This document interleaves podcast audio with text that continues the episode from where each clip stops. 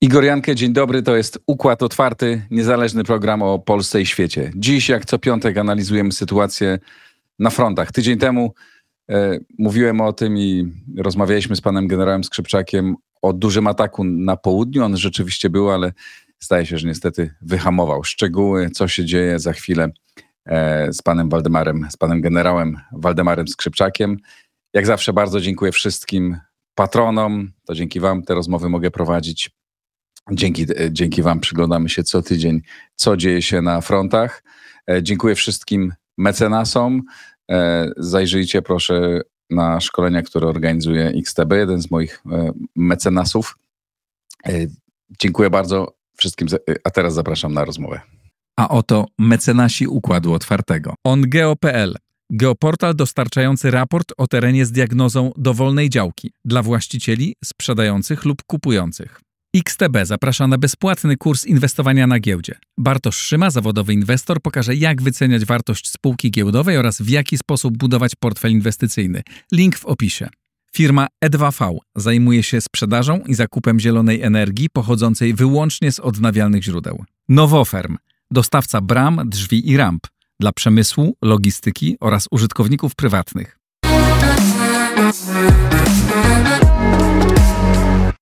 Dzień dobry, panie generale. Dzień dobry panu, dzień dobry państwu, witam. Tak jak powiedziałem we wstępie, y, tydzień temu cytowałem przedstawicieli Pentagonu, którzy mówili o tym, że na południu jest duży atak. On wywołał pewne nadzieje. Tam rzeczywiście oni się posunęli chyba o kilka kilometrów, no ale nie pociągnęło to za sobą e, jakiejś większej fali, zdaje się. Jak, jak, co, co pan widzi, proszę powiedzieć? Znaczy, to, co miało miejsce tydzień temu, ten atak y, taki skoncentrowany, pamiętam pan, myśmy szacowali, to jest 3 do 4 batalionów pancernych zmechanizowanych i to się teraz potwierdziło w informacjach. Czyli nasze, nasze, nasze prognozy, nasza ocena sytuacji była e, trafiona. Mm, wtedy wszedł do bitwy nowy korpus, świeży korpus. Ten, który tam walczył na tym kierunku Orychowka, mm, Orychowa e, od czerwca traci swoje zdolności bojowe. Został zamieniony mm, tydzień temu, ponad tydzień temu przez kolejny korpus, który wszedł do walki bardzo dynamicznie, wykonał dynamiczne uderzenie świeżymi siłami i to pozwoliło mieć, y, im się rozpędzić, włamać w obronę rosyjską na y, kilka kilometrów. Ale ta obrona rosyjska jest głęboka i ona jest e, taka tężejąca w miarę postępów ofensywy armii ukraińskiej. I w tej chwili mamy sytuację taką, że te siły, które weszły do bitwy ponad tydzień temu, one w tej chwili zwolniły swoje tempo działania. One prowadzą ataki, prowadzą ataki na poziomie taktycznym. Niemniej jednak nie jest to już poziom operacyjny, ponieważ rosyjska obrona tężeje bardzo mocno, jest e, twarda i trudno ją przełamywać, dlatego też Ukraińcy nadal borykają się e, z pokonaniem tej obrony, a jednocześnie borykają się nadal z problemem pokonywania pól minowych. Do tej pory Ukraińcy tej sztuki do końca nie panowali i szukają wielu sposobów, żeby te pola minowe pokonywać. I wydaje się, że to są zaniedbania sięgające ubiegłego roku, kiedy myśmy też u Pana mówili o tym, że Rosjanie jak szaleni minują Zaporoże i wtedy powinni podjąć wszyscy działania, a szczególnie państwa wspierające Ukrainę, żeby dać im systemy takie, które pozwolą im identyfikować, identyfikować pole i te pole, pola minowe, minowe i likwidować. Okazało się, że to jest w tej chwili dla Ukrainy pola minowe są największym problemem, obok, obok oczywiście braku lotnictwa, które by wspierało i które by miało tą przewagę powietrzną nad rejonem operacji. Tempo jest wolne, faktycznie. Wielu ekspertów wypowiada się, że jest konieczna zmiana taktyki, że trzeba taktykę zmienić. Wydaje się, że tu nie trzeba żadnych rewolucyjnych zmian dokonywać. Trzeba być tylko konsekwentnym działaniu i cały czas potęgować uderzenie. Czy takie możliwości potęgowania uderzenia Ukraińcy mają, nie wiem. Ale utrzymywanie walce e, brygady, takiej ciągłej walce jednej brygady, trzy czy cztery batalionowej przez okres dwóch tygodni, to taka brygada po, powiedzmy, po trzech, czterech dniach intensywnych działań taka brygada już nie może wiele zrobić. I tu jest moim zdaniem główny problem, ponieważ Ukraińcy rzadko, moim, moim zdaniem niezgodnie z zasadami sztuki wojennej, rotują swoje jednostki wojskowe, które walczą mm, w pierwszym rzucie. E, Jednostka bojowa po trzech, czterech dobach intensywnych walk, bycia pod ogniem, atakowania pozycji przeciwnika, ich szturmowania, to taka brygada po trzech, czterech dobach walki już jest mocno zmęczona, jest wyczerpana. Bierzmy pod uwagę również stan psychiczny żołnierzy. Oni muszą wyspać się, oni muszą zjeść, muszą odpocząć, muszą się zregenerować, a jeżeli brygada jest w walce dwa tygodnie, to z tej brygady się nie wyciśnie. Stąd moim zdaniem głównym, głównym problemem, którym się brykają Ukraińcy, to nie jest to, że zmiana taktyki, że zmiana taktyki z amerykańskiej na tradycyjną. To nie o to chodzi. Chodzi o to, że wydaje mi się, że jednak Ukraińcy mają odwody, ale moim zdaniem problemem jest to, że u nich rotacja pododdziałów, które walczą w pierwszym rzucie jest rzadka i to nie pozwala powiedzmy utrzymywać tego dużego tempa działania z uwagi na to, że te pododdziały zmęczone po czterech dobach naprawdę z nich się nic nie wyciśnie. I to jest mo- moim zdaniem główny problem, ale yy, niektórzy twierdzą, że mm, to trzeba zmodyfikować taktykę, trzeba zmodyfikować plan operacji. Nie trzeba planów operacji zmieniać. Plan operacji, jeżeli jest dobry, jest, to się go koryguje ewentualnie. Koryguje się co do kierunku czasu, miejsca, sił, rubieży. To jest praktyka wojskowa, praktyka, jeżeli chodzi o planowanie operacji. Natomiast moim zdaniem na- nadal twierdzę, że problemem jest to, że Ukraińcy nie rotują oddziałów, a to powoduje to, że te zmęczone oddziały nie pójdą do walki już tak, jak poszły na początku operacji. Pytanie jest jedno. Czy Ukraińcy mają wystarczająco odwody strategiczne, aby móc tak często, jak mówię, rotować pododdziały, czy oddziały, czy brygady, czy, czy korpusy? Czy w wyniku tego, że Rosjanie coraz bardziej przejawiają, czy przejawiają coraz większą aktywność, jeżeli chodzi o operacje zaczepne, ataki, kontrataki, to nie powoduje, że Ukraińcy te odwody muszą trzymać na innych kierunkach. I wydaje mi się, że to jest chyba główny problem Ukraińców. Powiedział Pan o tych e, metodzie, metodzie walki. Ja przeczytałem taką analizę e, w New York Timesie i oni piszą e, tak, niewielkie postępy ukraińskiej kontrofensywy przeciwko rosyjskim okupantom to skutek odejścia od Kijów od taktyki proponowanej przez Amerykanów, polegającej na połączonych operacjach sił piechoty, wojsk pancernych i artylerii. Ich zdaniem Ukraińcy powrócili do dawnego sposobu walki, który znają najlepiej, czyli do mozolnych, pozycyjnych starć na wyczerpanie. E, Przyczyną decyzji był też zbyt krótki czas poświęcony na szkolenie e, wojsk. Jaka jest różnica? Na czym to polega połączone operacje sił piechoty, wojsk pancernych i artylerii versus mozolna wa- walka pozycyjna? Może Co oni mogą mieć tego, na myśli? O czym pan powiedział, że rzeczywiście Ukraińcy mieli krytycznie mało czasu na przygotowanie swoich wojsk do tych operacji. Bardzo krytycznie. To wynikało to wszystkim z tego, że dostawy sprzętu, które szły z zachodu, one płynęły wąskim strumieniem. Jednostka, jak dostała sprzęt, to zostawało miesiąc czasu na przygotowanie się do działań bojowych. To jest stanowczo za mało, więc mówię, Ukraińcy mieli krytycznie mało czasu na przygotowanie się do działań. Różnica w taktyce, moim zdaniem, nie ma różnicy. Wszystkie te operacje są joint, połączone. Ukraińcy w tych działaniach, które prowadzą, używają w sposób skoordynowany artylerii, wojsk pancernych, piechoty, obro- obrony przeciwlotniczej, jak potrzeba i tak dalej. Nie wiem skąd e, ta opinia Amerykanów. Tu problem jest w czym innym. Nie w tej operacji joint, bo ona jest na pewno, czy to jest po amerykańsku, czy nie, ale powiem panu jedną rzecz. Amerykanom się wydaje, że to oni wymyślili operacje połączone. Nie. W Układzie Warszawskim też były operacje połączone, tylko się nie tak nazywały. Niemcy też prowadzili w II wojnie światowej operacje połączone i tego nie nazywali operacjami połączonymi. To jest słowotwórstwo. Moim zdaniem Ukraińcy prowadzą operacje, które są po nomenklaturze amerykańskiej połączonymi. Ale proszę powiedzieć, co używają- to, co to znaczy? To znaczy jest to synchronizacja działania wszystkich rodzajów wojsk i służb w operacji. Czyli w operacji biorą udział wszystkie rodzaje wojsk, czyli wojska pancerne, zorganizowane, piechota, artyleria, wojska przeciwpancerne, wojska obrony przylotniczej, e, lotnictwo, e, śmigu, e, lotnictwo wojsk lądowych, czyli śmigłowce, lotni- lotnictwo uderzeniowe, lotnictwo myśliwskie, wojska rakietowych i artyleria, wszystko. To jest joint, czyli operacja Mhm. połączona, która łączy w sobie użycie jednocześnie, zgodnie z jednym zamiarem, z jednym planem, z jedną ideą, myślą przewodnią, wszystkich sił, które ma się do dyspozycji. E, Ukraińcy nadal prowadzą na pewno operacje takie, e, z tym, że tak jak pan powiedziałem wcześniej, oni spotykają się z twardą obroną e, rosyjską, z brakiem chyba odwodów swoich, no i te pola minowe nieszczęsne i brak wsparcia z powietrza. I czy to będzie operacja joint po amerykańsku, jak to Amerykanie chcą, czy to będzie operacja połączona po ukraińsku, to jest ten sam efekt będzie, bo czy w operacji połączonej po- amerykańsku Rosjanie będą się bronić inaczej? Czy pola minowe wyparują? No nie.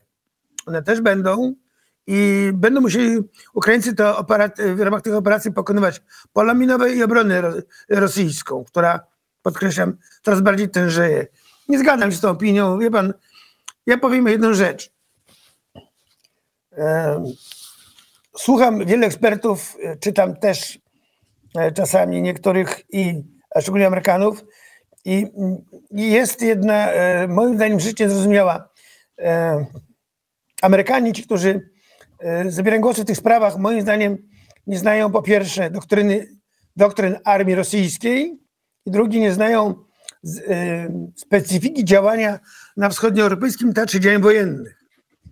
Zastanawiałem się, z czego to wynika. A wynika to się z tego, że do tej pory nigdy, podkreślam, nigdy nie doszło do bezpośredniej konfrontacji zbrojnej między armią USA a armią rosyjską. Bezpośredniej konfrontacji. Oni tam gdzieś walczyli ze sobą w Korei, Wietnamie, gdzieś tam, ale siła kogo innego.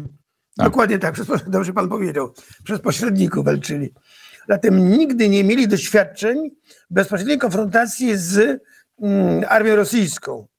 Wydaje mi się, że można było przez ten okres tej wojny wyciągnąć wnioski z tego, z czym muszą się zderzyć Ukraińcy. Jak działa armia rosyjska, jak, jaki jest przeciwnikiem armia rosyjska. Ona, ta armia rosyjska przez ten czas tej wojny bardzo się zmieniła. To, co pan teraz mówi, to, co, zresztą mówił pan w kilku ostatnich naszych rozmowach, potwierdza się. Mm, ja wczoraj rozmawiałem, bo my to dla państwa informacji tę rozmowę nagrywamy, tak jak zwykle zresztą w piątek e, wcześniej rano. E, wczoraj miałem okazję rozmawiać e, ze znanym państwu Damianem Dudą, ratownikiem pola walki, który mi bardzo szczegółowo opowiadał o tym, jak wyglądają walki na, na froncie w tej chwili. Nie? Dosłownie w ostatnich, e, w ostatnich dniach. I to jest bardzo, jest bardzo ciekawa opowieść, bo on pokazywał właśnie to, co pan opowiada, patrząc z góry na to. E, on no, będąc tam na miejscu dosłownie, no, metry od, e, od tych wydarzeń. E, Mówił o niesamowitym e, zaminowaniu, o tym, jak bardzo ciężko jest przebić ścieżkę, którą robią w nocy, przygotowują do tego, żeby rozpocząć atak. Mówił, jak bardzo dobrze są przygotowani Rosjanie, jak się bardzo zmieniła e, armia rosyjska, znaczy to jak się bardzo dobrze przygotowała do tej, e, e, do tej obrony. I tam opowiada szczegółowo, jak często wyglądają, e, wyglądają te akcje. Ja tę rozmowę nagrałem i ona będzie emitowana w niedzielę albo w poniedziałek. Musimy ją przygotować, więc nie wiem, na kiedy nam to wyjdzie, ale już, już Państwa zapraszam. Ale tak naprawdę to jest bardzo ciekawe, bo jakby to, co my tutaj analizujemy z góry, to co Pan pokazuje, to Pan analizuje, ja słucham. E, On opowiadał, jak wygląda z dołu i to jest bardzo, niestety bardzo się potwierdza, ale jest to bardzo, ba- bardzo ciekawe, bardzo ciekawe obserwacje.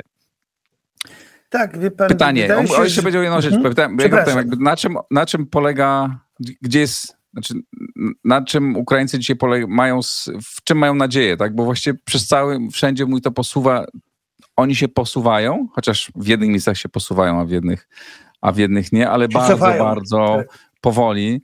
E, e, Z no, dużymi kosztami, no bo atakujący po prostu zawsze ponosi, e, ponosi większe koszty, o czym też pan wielokrotnie mówi, no ale on już po prostu no, liczą na to, że w pewnym momencie gdzieś ten front się przełamie. Tak? Znaczy, że gdzieś oni pękną gdzieś nie wytrzymają, ktoś ucieknie, gdzieś będzie coś gorzej zainspirowany i wtedy będzie ten korytarz, w którym oni będą mogli, mogli wejść.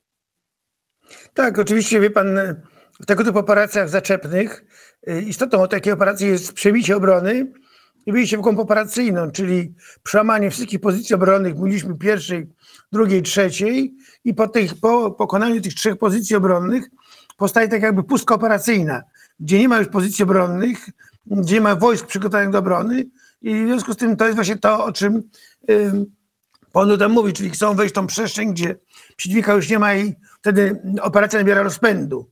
Ale zanim tego rozpędu nabierze, musi pokonać i przełamać te pozycje obrony, które obsadzają Rosjanie, którzy, tak jak e, mówiliśmy o tym od początku, jeszcze w ubiegłym roku, że mają czas na przygotowanie tej obrony na kierunku zamorowskim.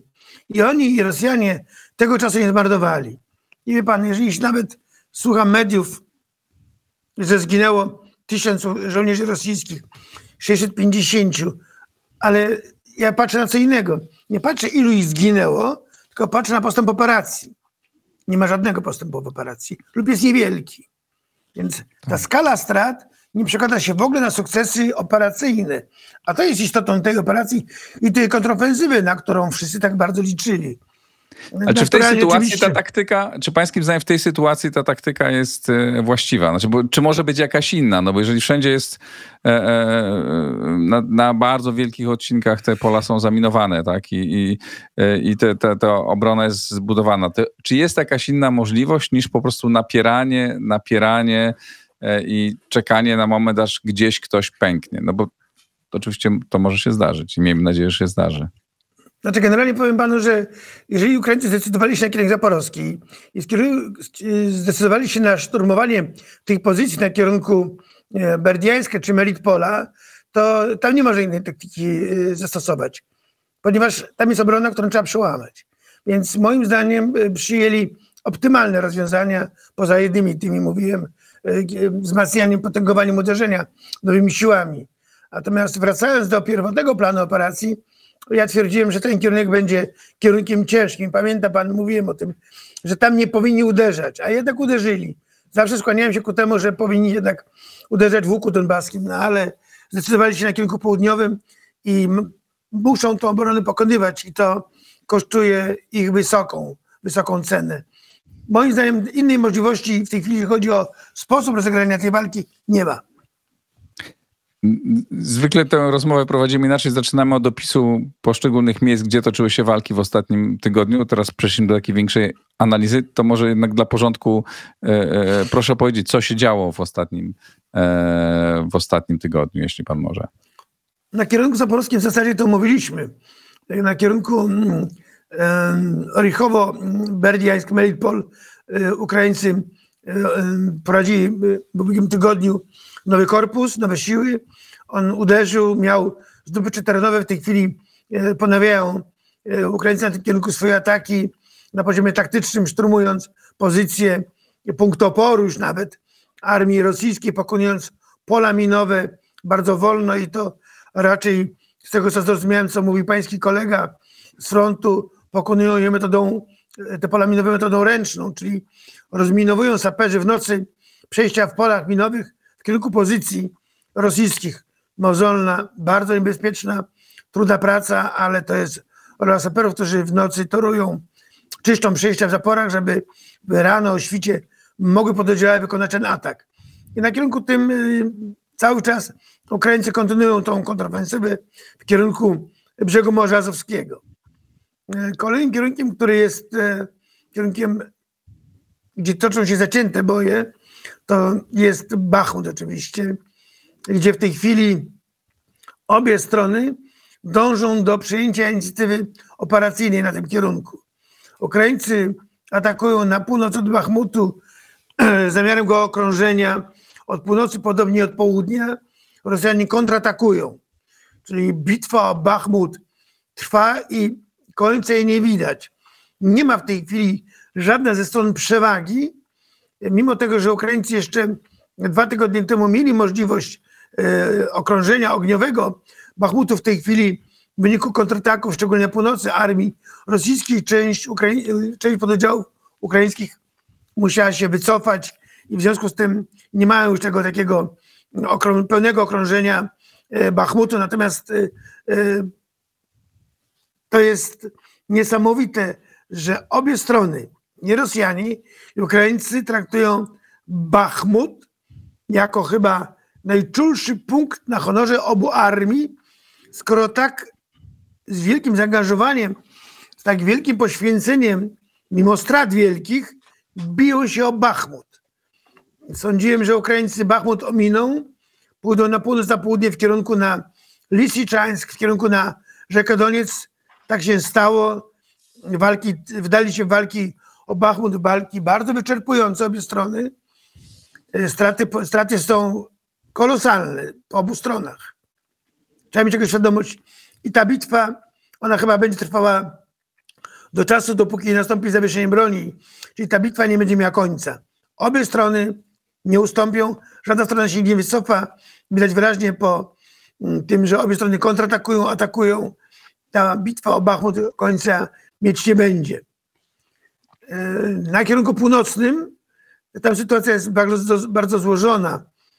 E, Rosjanie na kierunku Swatowo-Borowa pokonali rzekę Zierebiec, uchwycili przyczółek na tej rzece i próbują rozwinąć operację w kierunku rzeki Bor- miejscowości Borowa, e, przez którą płynie rzeka Oskoł. To, co mówiliśmy od kilku tygodni, że zamiarem tej operacji, która dzieje się w rejonie Ługańsko, na kierunku Ługańsko-Charkowskim, jest wyrzucenie Ukraińców za rzekę Oskoł, czyli Rosjanie zamierzają zdobyć te tereny, które utracili w wyniku ofensywy ukraińskiej we wrześniu ubiegłego roku.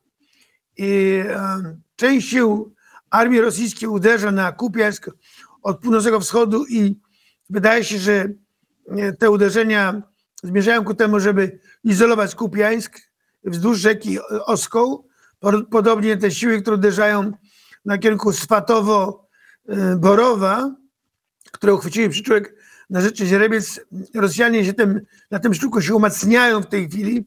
Prawdopodobnie podciągają odwody z zamiarem kontynuowania operacji w kierunku Borowa. To zmusza Ukraińców do skierowania tej kierunki swoich odwodów. Strategicznych prawdopodobnie już, bo mm, widać wyraźnie, że sytuacja na kierunku północnym nie jest dla Ukraińców korzystna.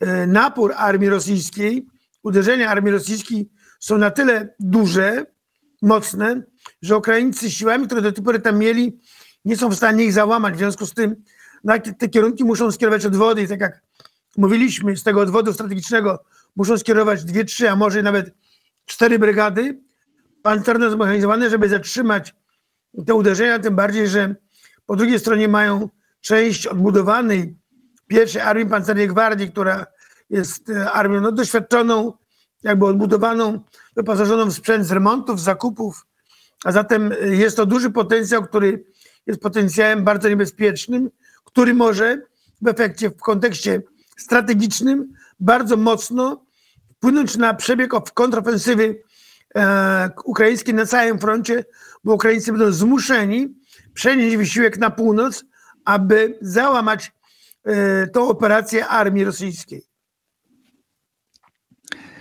Y, Rozmawiałem też w y, tym tygodniu, y, już nie, nagrywając, z takim ukraińskim żo- żołnierzem służb specjalnych, z Tarasem, którego Państwo zresztą znają, bo kilkakrotnie z nim parę miesięcy temu rozmawiałem. E, Zawsze drżę o to, czy, czy nic mu się nie dzieje. Jest niezwykle doświadczonym żołnierzem. On jest na tej wojnie od 2014 roku. Mm, Bardzo, bardzo doświadczony e, żołnierz i e, no, ciekaw byłem jego jak- oceny jego sytuacji. Nie? I to jest niesamowite. Przy tym wszystkim, co mówimy, jak jest trudno, jakie są straty, taki ich spokój i przekonanie. On mówił, Igor, spokojnie, no jest bardzo trudno, jest ciężko, ale my idziemy do przodu, nikt z nas nie rezygnuje. Zresztą Damian Duda to samo powtarzał, jakby morale cały czas, tak ogólnie oczywiście są jednostki, w których jest jakaś gorsza sytuacja, ale ciągle jest bardzo wysokie i ciągle w ogóle nie ma mowy o tym, żeby jakikolwiek Ukrainiec myślał o rozmowach pokojowych, e, e, o jakimś zakończeniu tego konfliktu.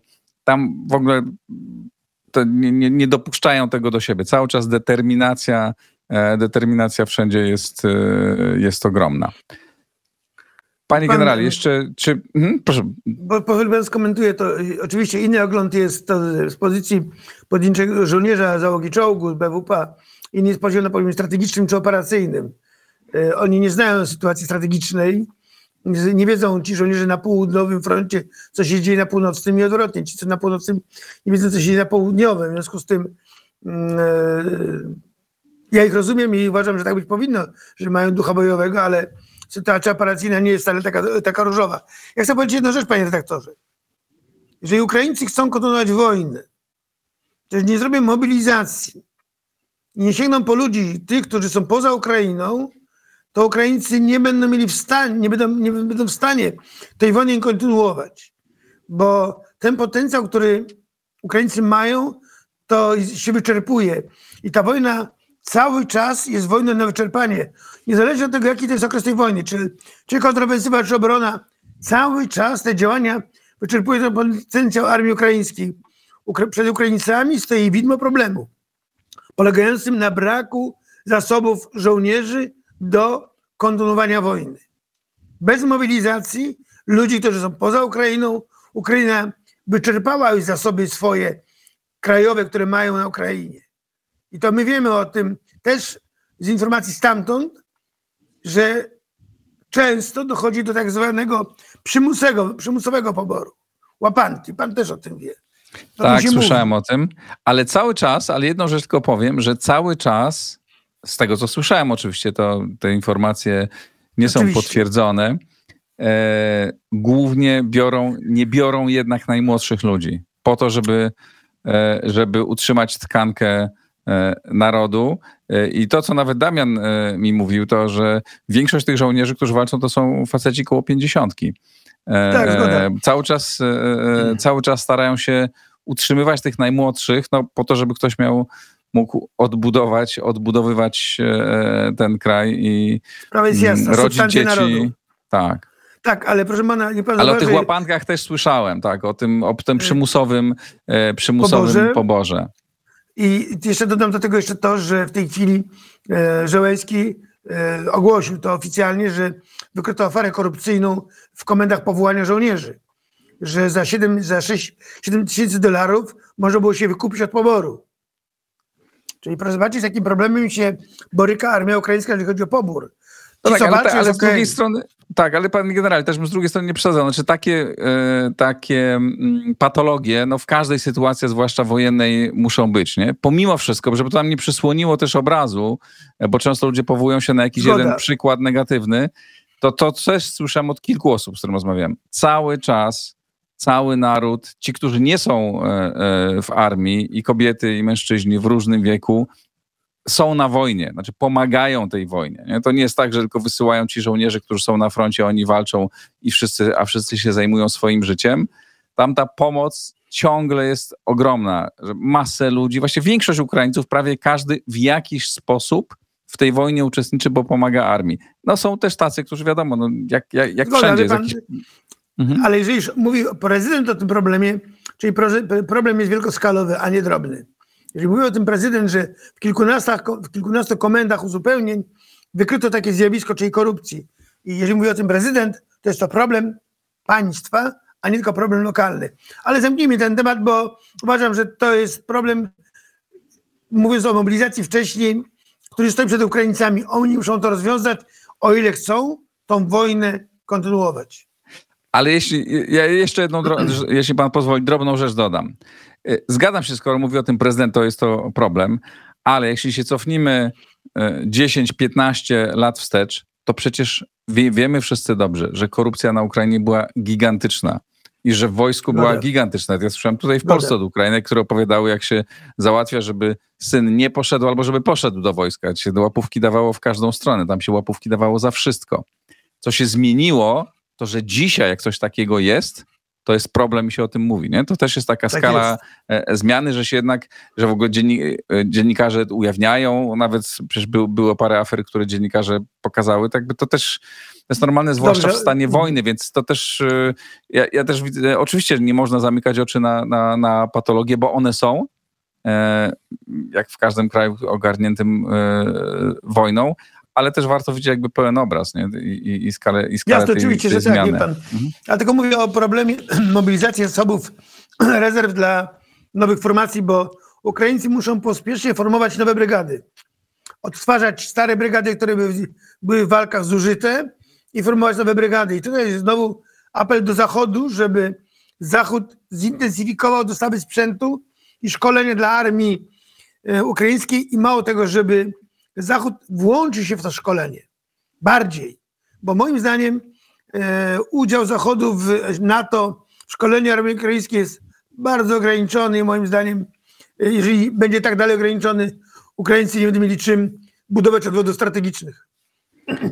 Jeszcze chciałem zapytać o, o, o Białoruś, Mm, o to, e, o grupę Wagnera, która tam jest. Jak pan ocenia zagrożenie z ich strony, co oni mogą zrobić, na ile oni wzmacniają armię mm, Łukaszenki e, i czy powinniśmy się tym tak przejmować, jak, jak się przejmujemy? Pan, co by nie włączył, czy radio, czy telewizor, to tylko jeden temat przewodni to Wagnerowcy. Tak jakby innego tematu nie było. Wie pan, to jest jakaś histeria. Nawet y, ociera się to o panikę. E, oczywiście to za sprawą też i polityków. Mm, Wie pan, trudno mi coś komentować takiego, bo komentują wszyscy. To, to samo jak sprawy z tymi śmi- śmigłowcami. Dystansuję się od tego zupełnie, dlatego że, że mm, skala spekulacji jest przerażająca, ale efekt jest taki, że to Polaków się straszy generalnie. I to jest, ta kompozycja polega na tym, że sobie Putin z Łukaszenką zbudowali scenariusz, jak Polaków wciągnąć to w awanturę panikarstwa. I niech pan zobaczy, że nasze media i nasi politycy są graczami w grze Putina i Łukaszenki. Bo jeżeli mówi deputowany Rosji, wyślemy 100 Wagnerowców na przesmyk suwalski i nasi politycy mówią o tym, że oni tam maszerują, to pan wybaczy, panie redaktorze. Dystansuję się od tego, nie chcę tego komentować, bo dla mnie jest to przerażające. Dla mnie najgorsze w tym wszystkim jest to, że tak reagują nasi, siąc panikę, a to są defetyści. To szkodzi Polsce i polskiej odporności na zagrożenia wynikające z wojny informacyjnej przeciwko nam prowadzonej. Przy okazji, jeżeli mam okazję, mogę panu powiedzieć, nie ulegajmy tym nastrojom defetystycznym lansowanym przez ludzi, którzy mówią to z naszych, do nas do, z naszych telewizorów. Oni lansują opcję, oni lansują scenariusz Putina i Łukaszenki. Nie słuchajmy tego, nie wdawajmy się w to. Jesteśmy narodem wojowników, odpornymi jesteśmy na wszystkie sugestie płynące ze wschodu. Oni z nami nigdy żadnej wojny nie wygrali. To nie my mamy się ich bać. Niech oni się nas boją. Jesteśmy w NATO, mamy nad nimi miażdżącą przewagę.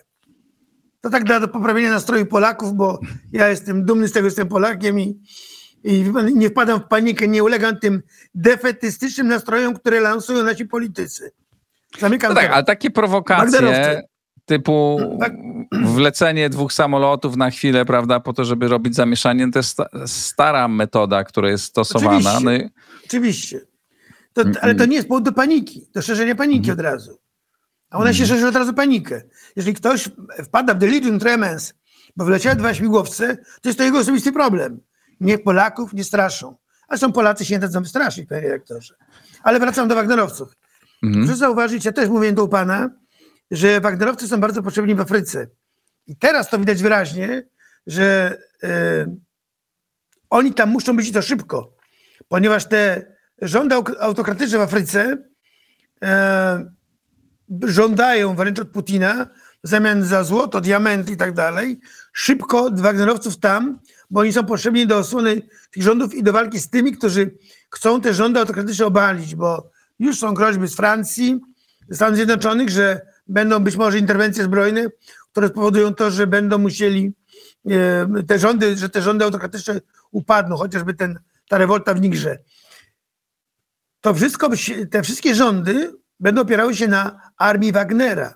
W tej chwili zapotrzebowanie na a Wagnerowców jest tam przeogromne, liczone na kilkanaście, kilkadziesiąt tysięcy. Oni w tej chwili na Białorusi się od nowa organizują, bo to, wie pan, decyzja Szojgu z 1 lipca spowodowała to, że ta armia się rozsypała. Kompania już nie jest kompanią, batalion nie był batalionem. Wszystko się rozeszło. Teraz to wszystko na e, Białorusi jest zbierane w obozach. Tam się organizują nowe oddziały. Tam są wyznaczani nowi dowódcy batalionów, kompanii, plutonów. Oni się szkolą, zgrywają, bo ich czeka w tej chwili przelot do Afryki, bo tam są potrzebni. A tych stu pijanych, których straszono nas na Przespilku Suwalskim, tym mi się w ogóle przejmował, bo moim zdaniem przewaga miażdżąca NATO jest dla Putina przerażająca. On blednie na samą myśl o konflikcie zbrojnym z NATO. W związku z tym nie przejmujmy się tym wcale i nie podajmy historii, jaką padają nasi politycy. Natomiast moim zdaniem, panie panie redaktorze, ja nie widzę żadnego zagrożenia strony Wagnerowców, bo powiedziałem, dla nich jest Afryka. Druga rzecz, niektórzy mówią, że już Wagnerowcy są na granicy. Ja, stary praktyk żołnierz, a Irak, Afganistan, Czad, zastanawiam, zastanawiam się, jak ci nasi eksperci, politycy też, odróżniają na granicy żołnierza białoruskich sił specjalnych od żołnierza Wagnerowca. Co ich odróżnia? Skośne oczy, garbate nosy? Nie wiem. Ale oni mówią, że są Wagnerowcy na granicy. Nie ma. Tam są żołnierze wojsk specjalnych Białorusi od dwóch lat praktycznie. I to oni są inspiratorami tego wszystkiego, co się na granicy dzieje. Tam Wagnerowców nie potrzeba, bo e, Łukaszenka ma taki potencjał swoich sił specjalnych i służb bezpieczeństwa, że one są wystarczające do robienia zamieszania na naszej wschodniej granicy. To czynią cały czas. Wagnerowcy mają zupełnie inną misję. Bardzo panu dziękuję. E, e, Przepraszam za takie trochę osobiste emocjonalne Nie. odniesienie do wielu rzeczy, ale pan, no, no, no nie dajmy się zastraszyć. Nie dajmy Dziękuję się bardzo. zastraszyć. Patrzmy spokojnie na to, co się dzieje. Mam nadzieję, że w kolejnych tygodniach będziemy mogli mówić o ukraińskich postępach. E, Dziękuję bardzo serdecznie, Tak panie Dziękuję generale. bardzo. Dobrego Dziękuję. weekendu panu. Wzajemnie. E, Dobrego weekendu Państwu. Dziękuję. Szczególnie pozdrawiam patronów. Jak zawsze wymieniam e, kilkoro z nich, kilku w tym wypadku. Pan Paweł Delikat, Radosław Adam Stachnik, Mateusz Świerczek, Wojciech Gilewski, Krzysztof Gałka. Serdeczne, serdeczne dzięki. Pozdrawiam wszystkich. Do zobaczenia, do usłyszenia.